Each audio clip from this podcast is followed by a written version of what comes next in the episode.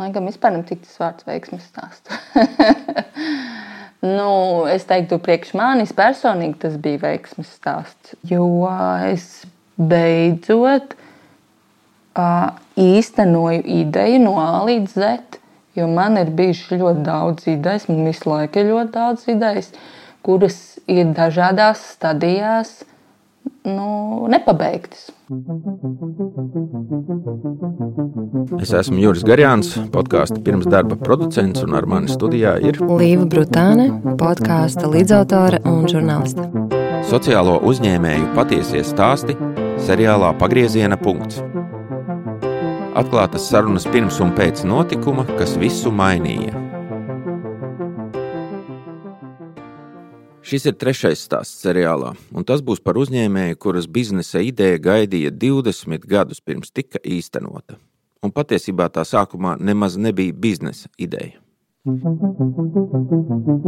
Ar Andru Strautiņu mana kolēģe Līva pirmo reizi tikās podkāstu studijā 2022. gada 1. decembrī, dažas stundas pirms nozīmīga notikuma. Tās dienas vakarā varēja izšķirties Andras jaunā biznesa projekta liktenis. Droši vien, kad eh, iepazīstina ar sevi, kas būtu tie vārdi, kā tu sevi raksturotu? Jā, tas, eh, tas vienmēr ir ļoti, ļoti grūts jautājums man, jo es eh, izmantoju konkrētā kontekstā atbilstošos apzīmējumus. Nu, pēdējā laikā es varu sevi saukt par mentoru, jo es diezgan daudz dažādos platformās palīdz cilvēkiem kaut kādā brīdī viņus atbalstīt viņu ceļā, piemēram, uz biznesa ideju vai karjeras pārmaiņās. Vai, piemēram, par labbūtības ieradumiem es ļoti daudz runāju. Tās visas mazās lietiņas, ko mēs ikdienā varam, nu, kā mēs varam labāk justies, lai mēs varētu arī izdarīt vairāk to, ko mēs gribam. Um, tas ir viens. Tad um, man patīk, jā, var teikt, grāmatas tu vari autore. Vēl šobrīd es sevi vēl neesmu tā kārtīgi noformulējusi, bet man patīk mana jaunā eksperimentālā loma, ejot startup pasaulē. Tad es saku, ej, Andri, tas taču ir startups. Jā. tā kā tad, nu, tad, teiksim, es varētu būt tehnoloģija uzņē, uzņēmēja. Uh, Nu, jā, arī lektore, bet man ļoti patīk vispār mācīties. Es esmu mūžīgais students īstenībā. Ah, un starp citu, kaut kad pirms divām nedēļām es atklāju, ka tas karjeras veids, kāds man ir, to sauc par slash karjeru. Nevis, ka mēs kāpjam tuk, tuk, tuk pa trepītēm augšā, bet nu tā, aha, šitien un šitien un te un te un te, un tad es esmu slashers, laikam, vai kaut kā tāds sauc bija. tas sanāk nevis kā, izaugsmē uz augšu, bet dažādi līdzīga veida projekti, kas kopā veido to tavu zināšanu bāzi, pieredzi jā, un jā. to, ko tu vari dot citiem cilvēkiem. Jā, tāds ļoti starpdisciplinārs. Tāpēc man dažkārt es stāstu cilvēkiem, kurus es strādāju, un tad, pa kuru laiku nu tā. Man ir bijis, kad paralēli, pieņemsim, es studēju divās programmās. Kaut kā man tā ir sanācis. No vienas puses, agrāk es pārdzīvoju, ka tas nav nu, tā, piemēram, es skaidri zinu, kur es eju, un tad un tā līdzīgi, un es esmu kā lēkājis. Ja, bet, nu, pēc kaut kāda laika saprotu, ka tie puzles gabaliņi liekas kopā. Kādi tad bija tie tev pārdzīvojumi? Oi! um, Nu, man liekas, ka kaut kāda daļa no pārdzīvojumiem ir vispār saistīta ar to, ka es esmu tāds pēc dabas ļoti jūtīgs cilvēks kas nozīmē, ka nu, emocionāli vairāk jūtīgāk visu kaut ko uztveru. Līdz ar to uh, nu, jebkas, kas varbūt pasaulē ir mazliet skarbāks pret mani, ja, tas, tas man ļoti ietekmē. Un tad uh, grāmatas sakarā es daudz domāju, ka um, nu, es klasē skaitījos viens no tiem gudrajiem bērniem. Tātad uzreiz tur pieņemsim, nezinu, zubrila vai viss kaut kas tāds, ka vienā brīdī es sāku sevi noniecināt, ka es daudz pieņemsim, arī zinu vai saprotu. Ja? Jo man kā, tāds asociācijas tur būvējās struktūras, un es kaut kā savāku to kopā, vai arī dažkārt es kaut ko varu saprast daļa intuīcijas. Ja? Un tā, mm, okay. Viņas man kaut kādā matemātikā dažkārt likās, ka šis varētu būt īstais variants. Um, nu, lūk, un tad tā kā nav atsevišķi, pieņemsim, programmas talantīgiem bērniem, tajā laikā, liekas, arī nebija atsevišķas programmas eh, bērniem, kam ir vajadzīgs papildus atbalsts. Ja? Lai gan talantīgiem bērniem īstenībā arī vajag papildus atbalstu. Nu, tad ir tā klases, tā vidējā māsa. Tas nozīmē, ka tevi nospiež uz atpakaļ, vai tiem pārējiem bērniem jāmēģina kaut kā vai nu pievilkties klāt, vai tad viņi vienkārši kaut kur ir. Un, uh, tie īstenībā arī bija tādi lieli pārdzīvojumi par to, ka uh, nu, neviens tev arī tā kā neievirza kaut kur.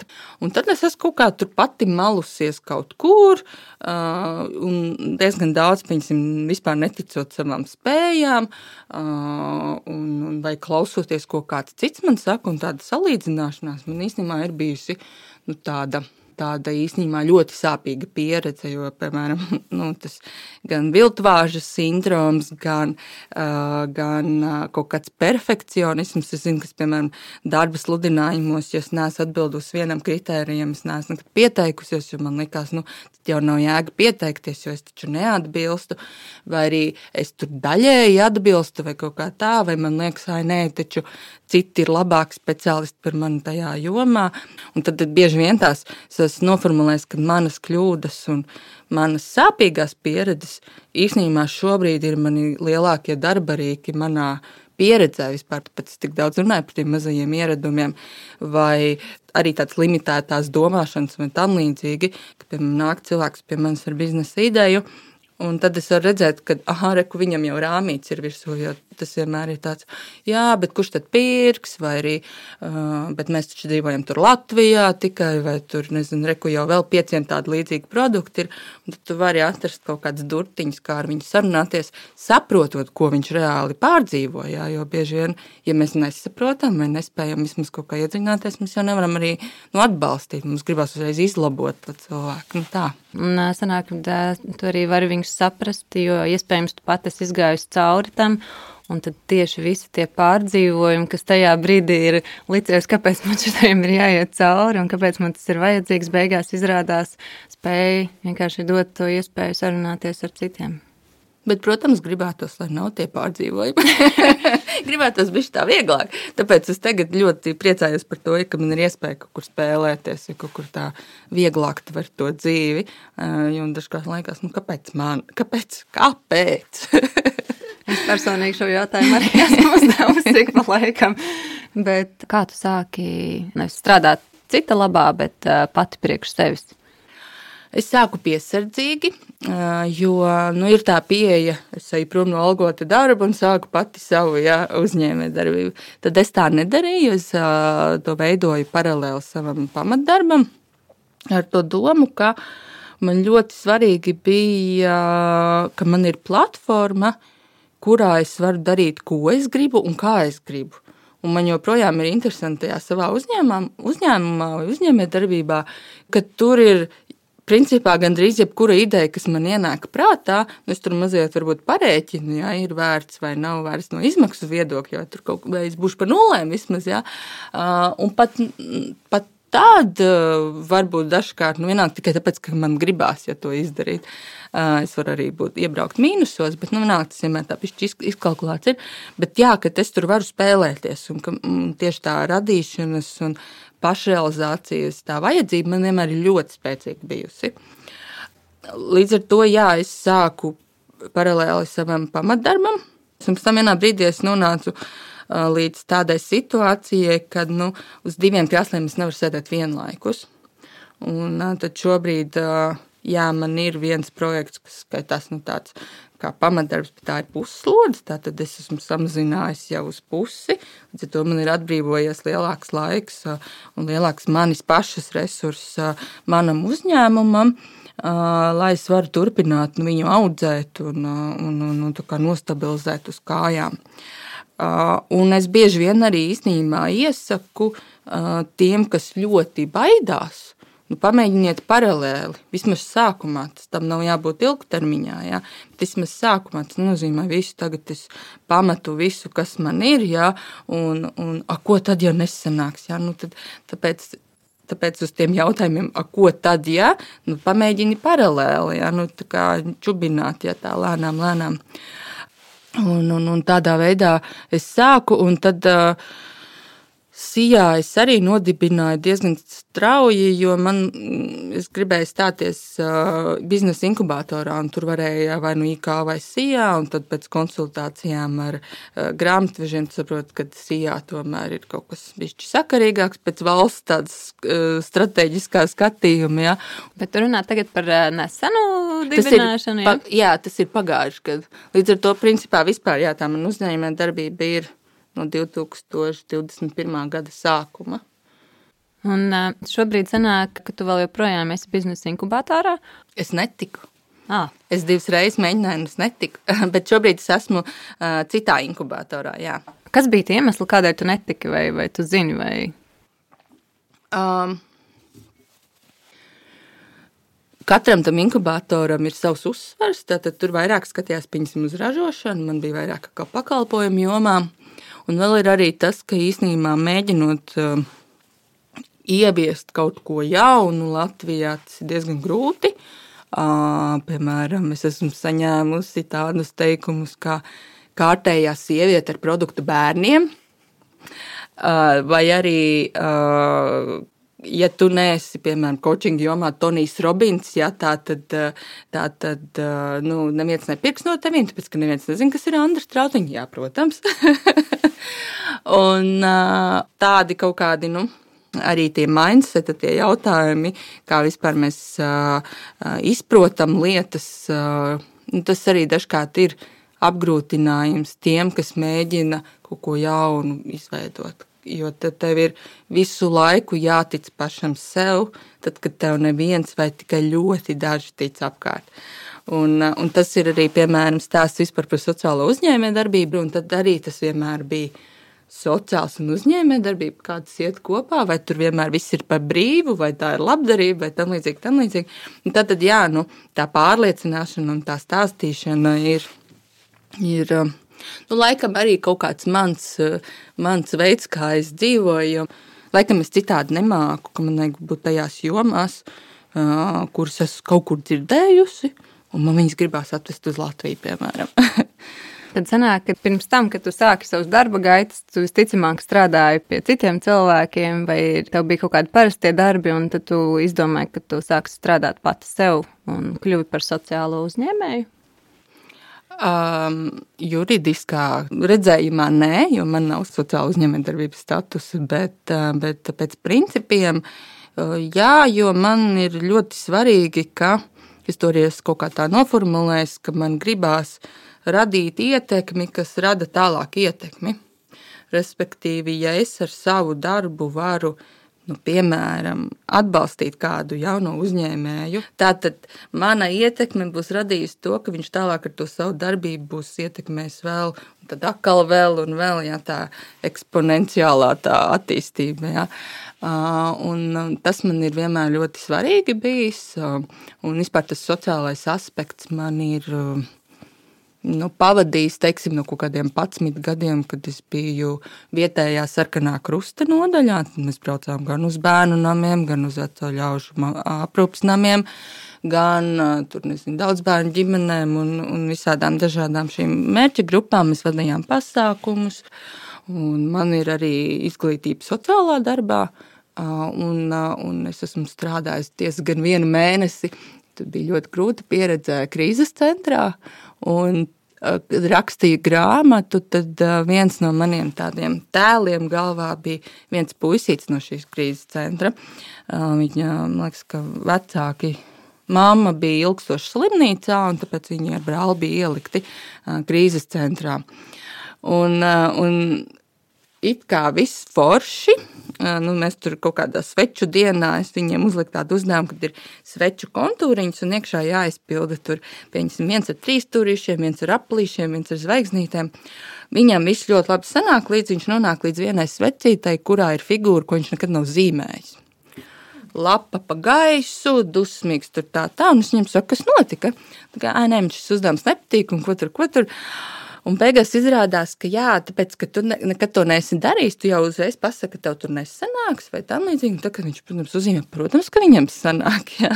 Un, un tas man likās, jā, līdz, kad parādās tas, ka līdz ko mēs kaut ko nezinām, mums atkal kaut kāds kritiķis pasakā, tev nesanāks, vai tu neesi tur, kā es vienmēr saku, pietiekami garš, tievs, resns, bagāts, vienalga ātrs, vienalga veikls vai, vai kāds, vai tu pietiekami labi nezīmē, tad mums ir uzreiz tāds, ah, nav jēga mēģināt.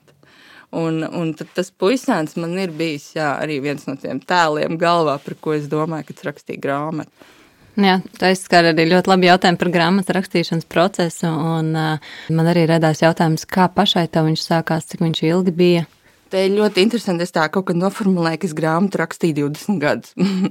ja tā ir tā kā, gandrīz tā kā par manu dzīvi, varbūt jau viens no tiem pamatprincipiem, kā es viņu rakstīju, viņu rakstīju sev tai mazajai Andrei, ja, kurai bērnībā būtu forši bijis, ja kāds man to būtu kā, nu, nezinu, pateicis to arī, vai, nu, kaut kā atbalstījis vai vadījis, vai vienalga kaut kā. Bet pats process tieši, nu, no A līdz Z, nu, es teiktu divi gadi, jo pirmajā gadā, kad es to gribēju darīt, man bija tāds, tāds izdegšanas, nu, tāda epizode, un tad es ļoti atkritu uz atpakaļ. Un es pārdzīvoju par to, ka es gribēju tajā gadā uzrakstīt to grāmatu. Un pēc tam es viņu, protams, uzrakstīju nākamajā gadā. Bet man likās, vēl vienu gadu pavēlu. Tas bija 2021. Jā, jo vēl pa vidu bija ļoti labs tas termiņš, ka mums bija pūļu finansēšanas kampaņa projekta bankā. Tātad tur bija kaut kāds tas nu, deadline. Ja? Kā tas gāja? Varbūt tās var pastāstīt mazliet sīkāk, jo man liekas, ka eh, es nezinu, baigi daudz eh, cilvēkus, kas Latvijā ir izmantojuši pūļu finansējumu. Man ļoti patika, ka man bijusi kolēģi. Bija tajā pavasarī izdevusi arī, nu, nevis izdevusi, bet pabeigusi kampaņu un nofinansēja to kampaņu. Starp citu, ļoti interesanti grāmatu bērniem arī Montes stāsti. Par to, man liekas, kā mēs rodamies šajā pasaulē, tādiem pavisam maziem bērniem. Nu, lūk, es ieraudzīju, ka viņa to ir izdarījusi, un man liekas, hei!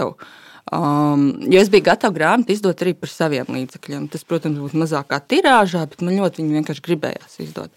Bet tad es ieraudzīju, ka uh, Renāte ir izdarījusi tādā veidā, es viņai uzvanīju, tad mēs uh, īsumā pārunājām, un tad ok, labi, jācep kampaņa augšā. Bet es zinu, ka tas nav pārāk viegli. Tas nenozīmē tikai iesniegt tur tajā platformā, un tad nu, pēkšņi tev visi tur metīs ja, iekšā tos um, ziedojumus, jā, jā, bet nu, tos ieguldījumus, jo viņi skaitās kā ieguldītāji tie cilvēki. Tas vienmēr nozīmē, ka tas ir darbs gan palaižot kampaņu, gan kampaņas laikā. Tev visu laiku ir jākomunicē. Tad es pamoju cilvēkiem WhatsAppos un visu kaut kur tādu. Un, un, un, nu jā, tas ir diezgan liels darbs. Mēs to izdarījām diezgan strauji. Principā es biju viena pati un mana mākslinieca, kas tur kaut kāds vizuāls taisīja vai, vai tam līdzīgi. Nu, tad mēs izdarījām, cik mēs varējām. Bet pozitīvais ir tas, jā, ka, protams, kampaņa bija veiksmīga. Uh, un, uh, ir viens no finansējuma avotiem FFF, Friends, Family un, and Fools, kas ir muļķi, bet manā gadījumā tie ir fans, fani. Es viņus esmu tā nosaukusi. Tas ir ļoti labs, man liekas, transformācijas veids. Jā, jo tas, protams, nāk no Amerikas, jā, un tad tur viegli viens otru apmuļķo jau kapitālismā un tam līdzīgi. Bet man šajā gadījumā patika, jā, kad bija ne tikai mana tā, mans burbulis, jā, bet bija pilnīgi sveši cilvēki, kas, kas noticēja idejai, un tad es sapratu, aha, tātad kādam tas ir vajadzīgs. Jo es biju gatava, jā, kad principā es viņu izdošu vai nu par savu naudu, vai arī, nezinu, nezinu, kādā veidā, bet man tās kastes stāvēs mājās ar tām grāmatām. Jā.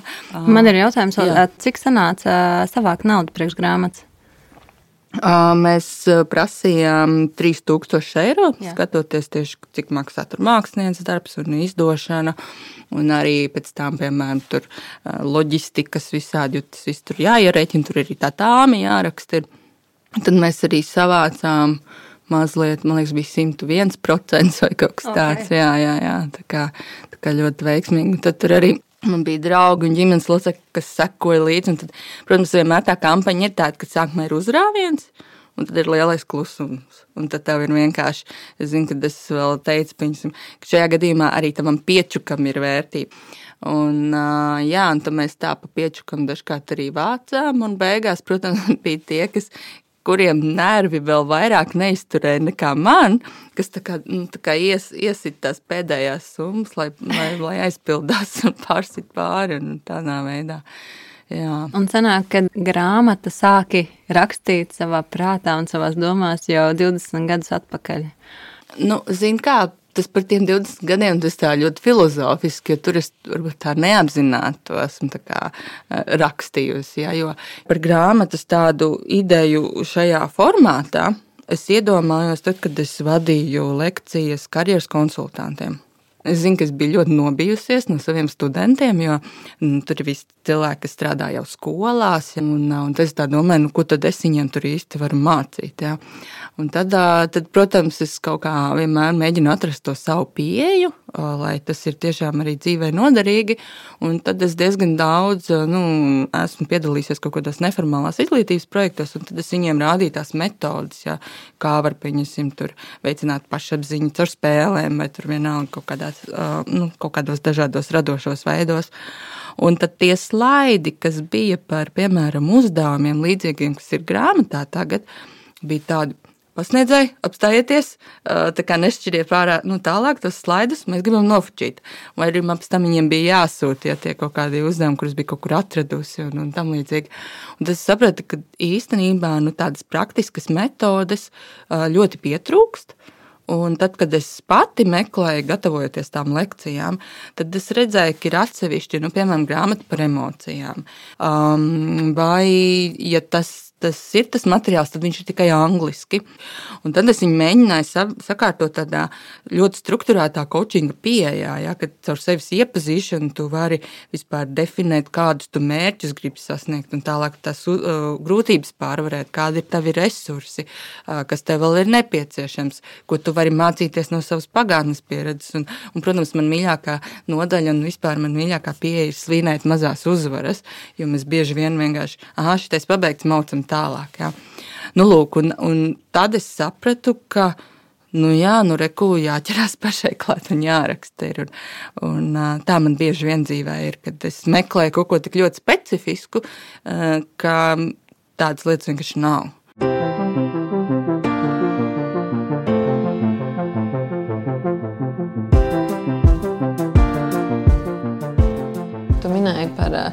par mazo Andru, jā, kurai būtu noderējusi šī grāmata. Un, uh, es ļoti vēlējos, lai tu pastāstītu mazliet dziļāk, kā tev grāmata būtu palīdzējusi tajā brīdī, ja tev tajā brīdī jau būtu tā grāmata. Mm. Es domāju, ka tas droši vien varētu būt tāds labs vispār pieturas punkts ikdienā, kur es apstātos Un, piemēram, nezinu, aizpildot uzdevumu, piemēram, ko es gribētu, ja? tad es esmu reāli uz papīra arī uzrakstījis, ko es gribētu. Nevis turu galvā, klausos, ko citi saka, un tam līdzīgi. Un tam līdzīgi ja? un tad tāda laba platforma bijusi priekš sevis, kuru vispār mēģināt noformulēt to, nu, kāds ir nezinu, mans pasaules uzskats, piemēram vai kas ir, nu, ko es gribētu, vai kas man padodas, vai nezinu, par ko es pārdzīvoju, piemēram, ja par kļūdām vai, vai tam līdzīgi. Tur tajā skrējienā neviens par šito arī tajos laikos, kad mēs mācījāmies skolā par tādām lietām īsti arī neviens nerunāja. Jā. Jo es zinu, ka es mēģināju rakstīt dienas grāmatu, bet tad vienā brīdī apnika, jo es nezināju, ko tur rakstīt. Un tad, pieņemsim, šis arī ir tāds formāts, ka tev ir vismaz kaut kāds idejas, ko tu rakstīt. Mm -hmm. nu, tev ir, pieņemsim, dienas uzdevums, ja tur padomāt par to, ko tu gribētu. Jo mums Latvijā tā mm, doma par dienas grāmatu ir, čau, mīļā dienas grāmata, šodien es darīju to un to. Ja? Un es tā arī mēģināju rakstīt, man pašai kaut kādā brīdī ir sapratu, nu, sapratu, ka tas nav tā kā, kā mēs to darām. Jā, tā kā man nav īsti ko teikt. Kas būtu tās konkrētās lietas, pēc kurām tu raksturotu, ka tavs grāmatas izdošana bija veiksme, ka tas ir veiksmes stāsts? Mm -hmm. Laikam vispār netik tas vārds veiksmes stāsts. nu, es teiktu, priekš manis personīgi tas bija veiksmes stāsts. Nu, ja, ja jāizmanto šis termins. Um, jo es beidzot uh, īstenoju ideju no A līdz Z Jo man ir bijuši ļoti daudz idejas, man visu laiku ir ļoti daudz idejas, kuras ir dažādās stadijās nu, nepabeigtas. Un man liekas, ka tas priekš manis vispār bija tāda uzvara, ka es spēju kaut ko reāli taustāmu izdabūt ārā no sevis. Runājot par karjeru, ir tādi trīs rimbuļi, viņi pārklājās. Ja? Nu, man patīk, man padodas, kādam to vajag. Un tad šeit tas tā kā Vismaz nu, šajā gadījumā es neteiktu, ka tur veiksmīgs stāsts, ka tur vienkārši lauza krēslus, viss un tam līdzīgi. Bet te tas viss sag, nu, sagāja kopā. Tad man patīk vispār grāmatas, man patīk rakstīt, man padodas rakstīt. Mm -hmm. Um, un tas ir arī kādam vajadzīgs. Jā. Tas ir kādam arī vajadzīgs, jo, piemēram, šonadēļ principā nu, mēs tiešām varam runāt par pašām, pašām pēdējām grāmatām no tirāžas, kas ir palikušas. Jā, paldies. Tikko viena skola uz Ziemassvētkiem nopirka.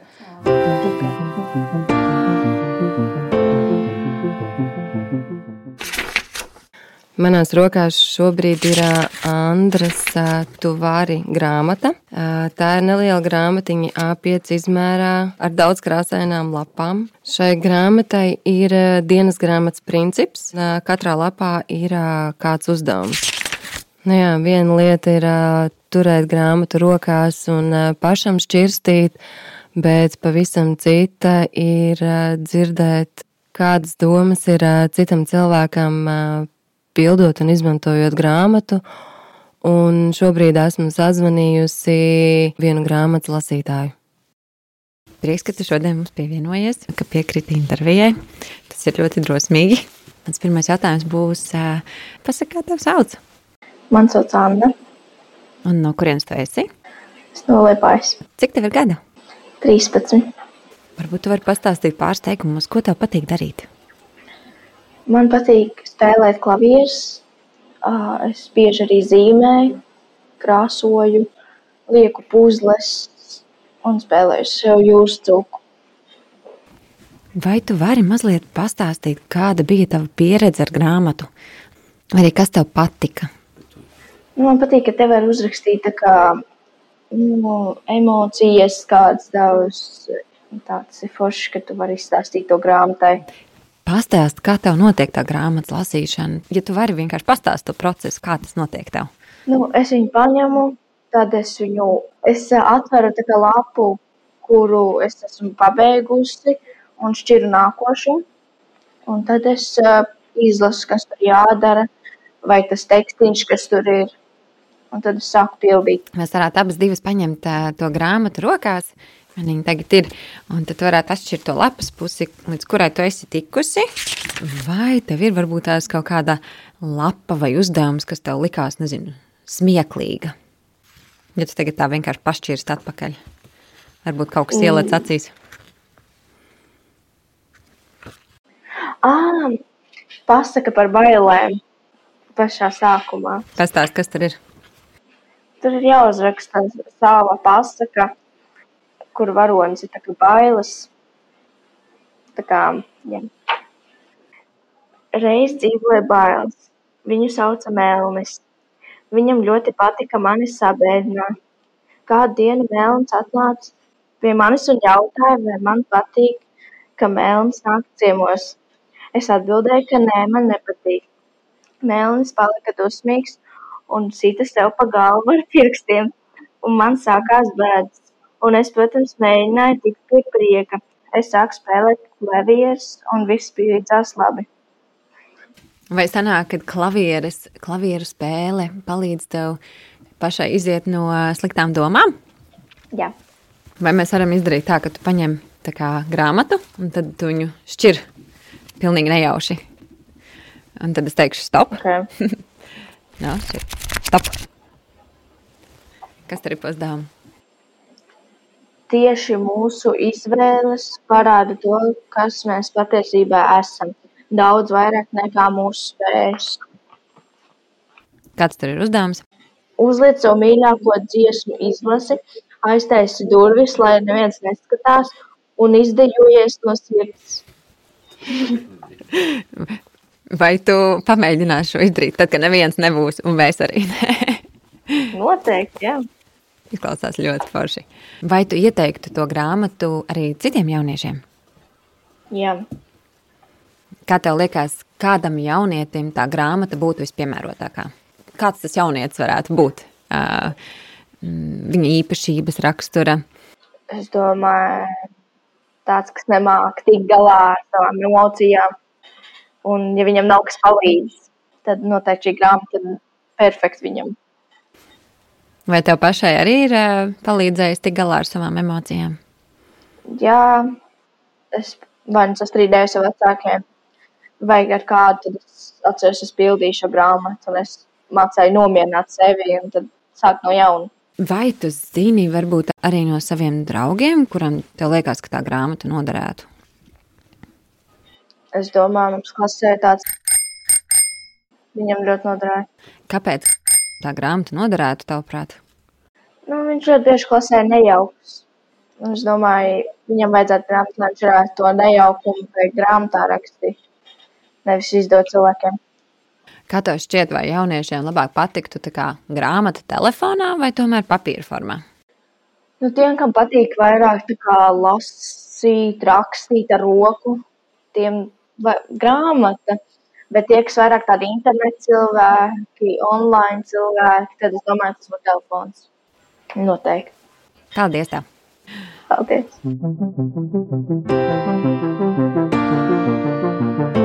Pagrieziena punkts. Pirmajā un otrajā biznesa inkubatorā, kurā tu pieteicies, tas neizdevās, bet tu nepadevies, un tagad tu esi jau trešajā. Vai tu esi ar to pašu ideju vai ar kādu citu? Grāmata nebija tas, ar ko es stājos inkubatorā, jo to es nofinansēju caur projektu banku. Bet um, šobrīd, skatoties, jā, ka pirmā tirāža principā tūlīt ir pabeigta, nu, tā kā izpārdota. Par otro tirāžu es vēl nezinu. Es domāju, ko darīt tālāk. Man padomā ir arī otrā grāmata, bet tā ir atkal grāmata. Savukārt, atkal skatoties uh, Gen Z vai Z paudzes virzienā, ja, tad, tad viņi visu laiku ir ar telefoniem rokā. Tas nozīmē, ka ne visi bērni lasa grāmatas, uh, īpaši tā auditorija, ja, kurus gribu aizsniegt, jo man gribās. Nu, tādiem bērniem, tādiem kā es biju, ja, lai viņiem ir kaut kāda uh, alternatīva dzīve, arī nu, piemēram, šobrīd skatoties pandēmijas, ja pēc pandēmijas periodā, cik ļoti tas ir ietekmējis viņu pieņemsim, socializēšanos, ka viņiem nav bijis sat, iespēja satikt savus vienaudžus, kas ir galvenais viņu socializācijas avots, uh, jeb aģents uh, tajā vecumā, ka tie vairs nav vecāki skolotāji, bet tie ir tavi vienaudži, kas tev, nu, kas principā sekmē to, ja kā tu veidojies kā cilvēks un tas viņiem bija liekts. Tāpēc es redzu, cik ļoti tas ir bijis svarīgi.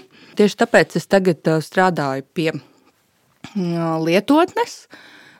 Lietotne kā veids, kā grāmatas stāstu turpināt jaunā formātā, nevis viens pret viens, bet nu, tā būs kā neatkarīgs, neatkarīgs stāsts, neatkarīgs produkts, bet kas ir dzīves kā nu, grāmatas tajā, tajā, tajā stāstā. Un, Kādā stadijā šobrīd viņi jau ir? Viņi ir nu, tā, tas saucās Lofi prototype, jeb zemes kvalitātes prototyps. Šobrīd mēs esam palaiduši pirmo pirmo pavisam tādu pavisam vienkāršu testiņu, lai pārbaudītu, nu, kā esam iedavuši tīņiem pačikināt, paklikšķināt kaut kādus uzdevumus, paskatīties, kā, vai viņiem vispār tas interesē, vai tādā formātā tas interesē. Un tad mums ir tā tāds imitācija tam, kā tas izskatīsies. Un šodien mums ir tā prezentācija, jā, jārāda, ko mēs esam inkubātoru programmā panākuši. Pats inkubators bija tieši vērsts uz prototypu radīšanu. Mums ļoti precīzi viņš ietilpa tajā vispār dzīves ciklā, tajā stadijā, kur mēs bijām, no idejas, lai mēs varam uztaisīt kaut ko, kur jau vari redzēt šo nu, izpratni, ja, kā, kā tas varētu izskatīties. Kaut kas vizuāls un jau citiem parādāms. Jā, jā. Un burtiski divas stundas pēc mūsu sarunas Andra kāpa uz skatuves uh, prezentēt savu ideju. So please welcome Andra from Tuvari. Hello, I'm Andra and I have a dream. Andras stāsta turpinājumu klausies epizodes otrajā daļā. Podkāsts tapis sadarbībā ar Latvijas Sociālās uzņēmējdarbības asociāciju projekta Podcasting Based Social Impact Learning Environment ietvaros, ko līdzfinansē Eiropas Savienības Erasmus Plus programma.